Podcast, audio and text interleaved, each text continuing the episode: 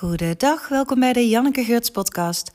Vandaag weer een persoonlijke vanuit mijn reis in mijn liefdesrelatie. Waar al twee eerdere podcasts over op zijn genomen. Uh, bedrog mijn verhaal en bedrog deel 2. Voor als je niet op de hoogte bent. Ja, ik verwijs daar maar even naar, dat is net zo makkelijk. Um, ik heb afgelopen weekend een intensief relatietherapie weekend gedaan samen met Geert. En dat was zo prachtig. En wij hebben zo essentiële kennis opgedaan over elkaar. Dat, um, dat ik dacht, ja, natuurlijk moet ik hier weer iets over delen. Um, ik voel heel sterk de liefde voor mijn medemens. En ik zie zo helder in mezelf en in, in ons en in het werk dat ik doe dat we ten diepste allemaal vragen om liefde en liefde aan het geven zijn. Die twee dingen. Dus in angst en in lelijkheid vragen we eigenlijk om liefde. En, en anders zijn we liefde aan het geven en delen. En ik vind ons zo mooi en tegelijkertijd zie ik dat we zo kunnen worstelen om onszelf te begrijpen, om onszelf te vinden, te voelen en elkaar. En ik loop nergens zo warm voor als een bijdrage leveren aan inzicht op dit gebied. Liefde, openen. Ja, dat, dat ik waarde kan toevoegen aan, aan het hart van mensen. En nou is zo'n weekend, uh, daar is zoveel gebeurd en dat gaat zo diep. En nou, als ik het alleen was, dan zou ik echt alles op straat gooien. Want ik heb gewoon geen geheimen. Als je ooit met me werkt, dan deel ik wel eens ooit bijvoorbeeld voorbeelden bewust. Om bijvoorbeeld een, uh, een principe te illustreren, maar ook soms simpelweg om je te laten weten: je bent niet alleen en dit is normaal en ik ken dit en ik vind dit niet raar. Maar um, ik heb natuurlijk ook een man en een kind en zij kiezen daar niet voor. Dus ik dacht, wat ga ik dan delen? En toen kwam er een deel in me op waarvan ik dacht: dit is relevant en, en hier is veel uit te halen. En laat ik het in eerste instantie bij mezelf houden. Waar ik in relatie tot Geert last van had, was dat ik onbewust in een deel van mezelf zat, vaak richting hem, dat wij dit weekend het kopkinddeel hebben genoemd. En ik ben me ervan bewust dat ik een kopkind ben. En een kopkind is een kind van ouders of, ouder, of een ouder met psychische problematiek, psychische problemen. En in dit geval ging het over het kenmerk hiervan dat een kopkind heel scherp aan kan voelen wanneer er uh, problemen zijn of wanneer er iets negatiefs is of iets niet goed is. En ik voel dus ook heel scherp en direct of iets klopt of wat iemand zegt klopt met wat hij voelt. Dat heb ik moeten ontwikkelen voor mijn veiligheid, om me af te kunnen stemmen op mijn omgeving, zodat ik me kon aanpassen. En dat is natuurlijk een super talent. Het is een beetje uh, alsof ik uh, al vanaf baby af aan heb leren piano spelen en nu pianist ben. Ik ben dan nu therapeut en ik heb vanaf baby af aan geleerd mensen te lezen. Dus ik ben daar uh, fantastisch goed in. Um, maar in de liefdesrelatie, dus de relatie met Geert, waarin het heel dichtbij komt voor mij, dus niet in alle relaties, maar daarin wel, um, is dus dat deel vaker aanwezig. En dat deel is ook op zoek naar negativiteit. Dus die, die staat heel erg scherp afgestemd op wat is er aan de hand? Is er iets mis? Is er iets mis? En omdat het die antennes zo, die, die voelsprieten de hele tijd daarvoor uitzet, voelt het alles. Alles wat misschien mis is of misschien negatief is. En dat deel, uh, daar was ik me niet bewust van dat dat zo aan de hand was.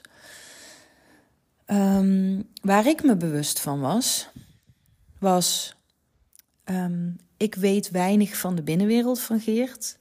En voor mij klopt wat ik voel heel vaak niet met wat hij zegt. En dat was voor mij dan weer heel lastig, omdat ik, het, omdat ik dus ontspan wanneer het klopt. Wanneer binnenwereld en buitenwereld kloppen. Wanneer uh, ik voel dat, dat het allemaal transparant is. Want dat is natuurlijk veiligheid voor mij.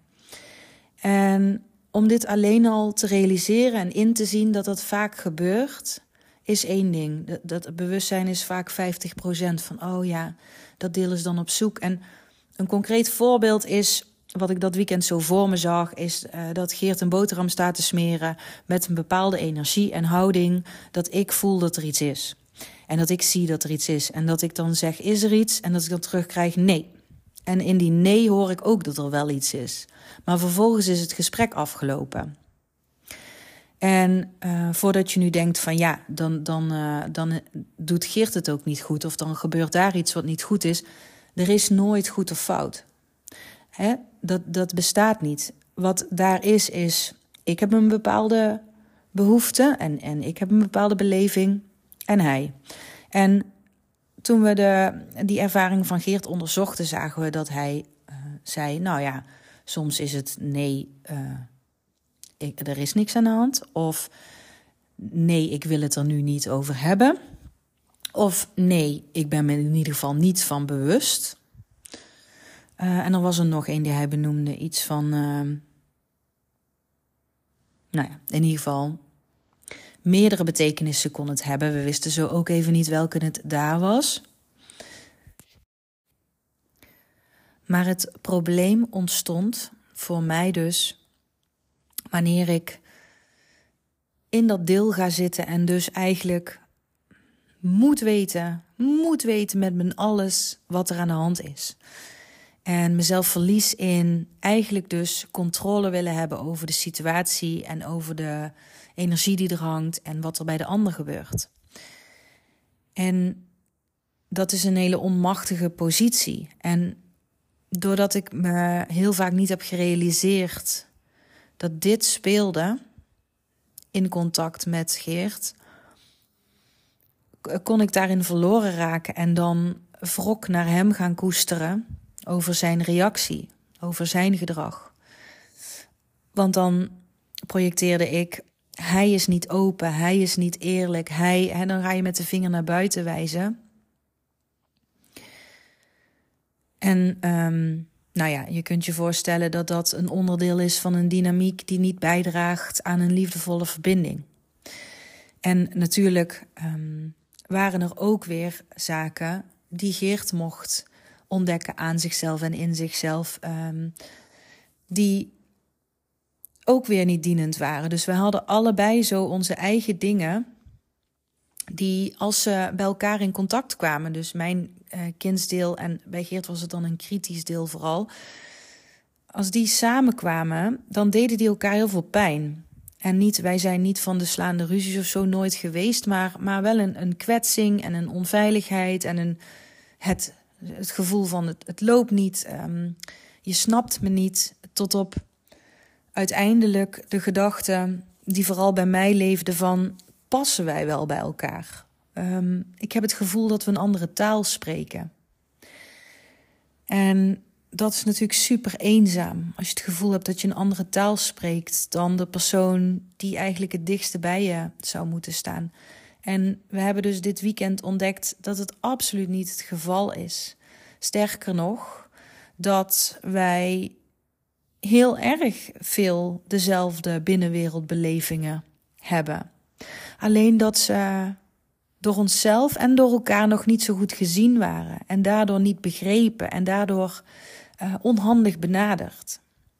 En dat is het stuk waarvan ik denk: oh, dat, uh, dat wil ik delen voor, voor wie het nieuw is. Dat je kunt denken: ja, wij passen nou eenmaal niet bij elkaar, maar dat het kan zijn dat juist in een liefdesrelatie bij iemand die dichtbij komt, dan komen die wonden of dan komen die beschermingsmechanismes omhoog. En als je die leert begrijpen, die delen van jezelf, en je eigen unieke blauwdruk in wat er in je binnenwereld gebeurt. En wat er in de binnenwereld van de ander gebeurt. En je leert daarin bij met betrekking tot vaardigheden, met betrekking tot communicatie. Dat, dat je dan uiteindelijk uitkomt op dat we eigenlijk allemaal van elkaar houden. Daar begon ik ook al mee, hè? En dat is ook mijn waarheid en, en mijn ervaring altijd weer bij innerlijk werk.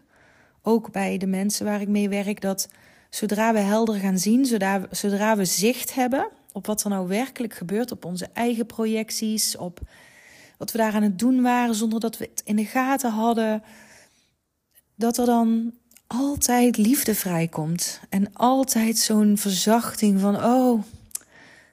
En dat je jezelf weer gaat begrijpen en vinden en daarmee ook die ander weer. Ja, dat vind ik echt zo ongelooflijk waardevol. Ik zeg wel eens vaker dat er niets, geen grotere rijkdom is dan een open hart. En mijn hart is weer open gegaan naar Geert in dit weekend. Door hem beter te zien, doordat hij ook heeft gewerkt aan zijn vermogens om zichzelf te laten zien. Doordat ik mezelf beter ben gaan zien en begrijpen. En ik ook andere mogelijkheden en vermogens heb ontwikkeld om te reageren, om te zijn. Ja, goed. ik, uh, dit wilde ik delen in de hoop dat het iets mag betekenen. Of misschien inzicht geeft waar je zelf iets mee kan. En ik denk dat ik het ook wil delen om onze innerlijke wereld te normaliseren. We hadden het er dit weekend ook over dat ik grote emoties ken. En met name rondom het bedrog zijn die eruit gekomen. Ik ben in die periode in kinderlijke paniek geraakt. Niet, niet in een, in een um, paniekaanval die, die nog ergens te reguleren is, maar in een, um, ja, echt een kinderlijke paniek. Die, die bijna fysiek, ja, bijna moeten kotsen. Um, letterlijk op de grond vallen, het, lichaam bijna niet meer kunnen dragen, de, de, energie, de ervaring. Totale overweldiging. En, en toen zei die therapeut dat wij vooral in het Westen heel veel oordeel nog hebben op grote emoties, op heftig voelen. Uh, en dat heeft er ook mee te maken dat we het niet zo vaak tegenkomen. En als we tegenkomen, dat we ja, daar dus iets van vinden en dat dus zo snel mogelijk weg willen. Op allerlei manieren. En het is mijn ervaring dat als grote emoties er helemaal mogen zijn, want zelfs die kinderlijke paniekaanvallen tijdens die, die momenten heb ik gedacht, ja, sterf maar, klap maar uit elkaar. Dus die, die, die overgave eraan, het, het openen naar en het, het openstaan voor alles wat mens zijn is. Dat vind ik zo verzachtend en verbindend. Als we dat allemaal gaan openen en gaan delen en met elkaar gaan delen, dan kunnen we heel direct de onschuld zien van elkaar en de schoonheid. En ik denk dat we allemaal opgegroeid zijn met het wegstoppen van bepaalde delen van onszelf of bepaalde emoties. En dat we allemaal daar oordeel op kennen, omdat onze ouders en, en de generatie voor ons, ja, al helemaal, daar was al helemaal geen ruimte voor. Dus weet je, we geven dat allemaal in alle onschuld maar weer door. Maar het is zo oh, heerlijk en prachtig. En ja, er zit zoveel schoonheid in ons volledige mens zijn. En mijn hoofd gaat dan ook meteen naar kunst en expressie. Het is niet voor niks dat we zo geraakt kunnen worden door kunst, door zang, door muziek, door dans. Dat daar alles ingestopt wordt en omdat we dat allemaal herkennen. En ik denk echt dat we allemaal verlangen naar de eenheid in onszelf en daarmee dus niet één deel, één robotachtig deel dat ten alle tijden met een vastgeplakte glimlach um, energiek door de dag huppelt, maar het organische, het, het alle kleuren, het, het contrast, de rijkdom van, van, van alles wat we kunnen zijn en wat we daarmee kunnen creëren en hoe we daarin kunnen verbinden met elkaar. Daar moet ik bijna van janken. Daar moet ik van janken. Ja, um, omdat ik, uh, ik doe het in mijn werk natuurlijk, open ik harten. Dus ik, ik zie het heel vaak en daarom hou ik zo van mijn werk. En weet ik wat het betekent voor mensen. En nu uh, mocht ik zelf heel diep en heel betekenisvol het een weekend lang ervaren op mijn eigen blinde vlek. En op mijn eigen relatie door een hele goede therapeut. En het was trouwens, uh, wij zijn naar Arte del Anima geweest. Arte del Anima. Um, een uh, plek in Groningen waar je dus uh, voor retreats terecht kan om intensief te werken. En we hadden met Ewoud Dekker of Dekkers gewerkt. Normaal werkt hij met zijn vrouw, maar die was nog ziek, die had corona gehad, dus hij werkte nu alleen. Uh, even voor als je denkt van nou Janneke, ik wil doen wat jij deed bij deze. Uh, ja, maar ik, ik, ja, ik wilde vooral nog even toevoegen dat stukje dat de schoonheid en de verlichting en de liefde dus niet zit in het wegmaken van delen van onszelf of voordelen of het op moeten poetsen van wie we zijn, maar in het openen, openen, openen en het zien en begrijpen van onze binnenwereld. Ja, I love it. Oké, nou, dat was hem dan, denk ik. Bedankt voor het luisteren en tot de volgende. Bye bye.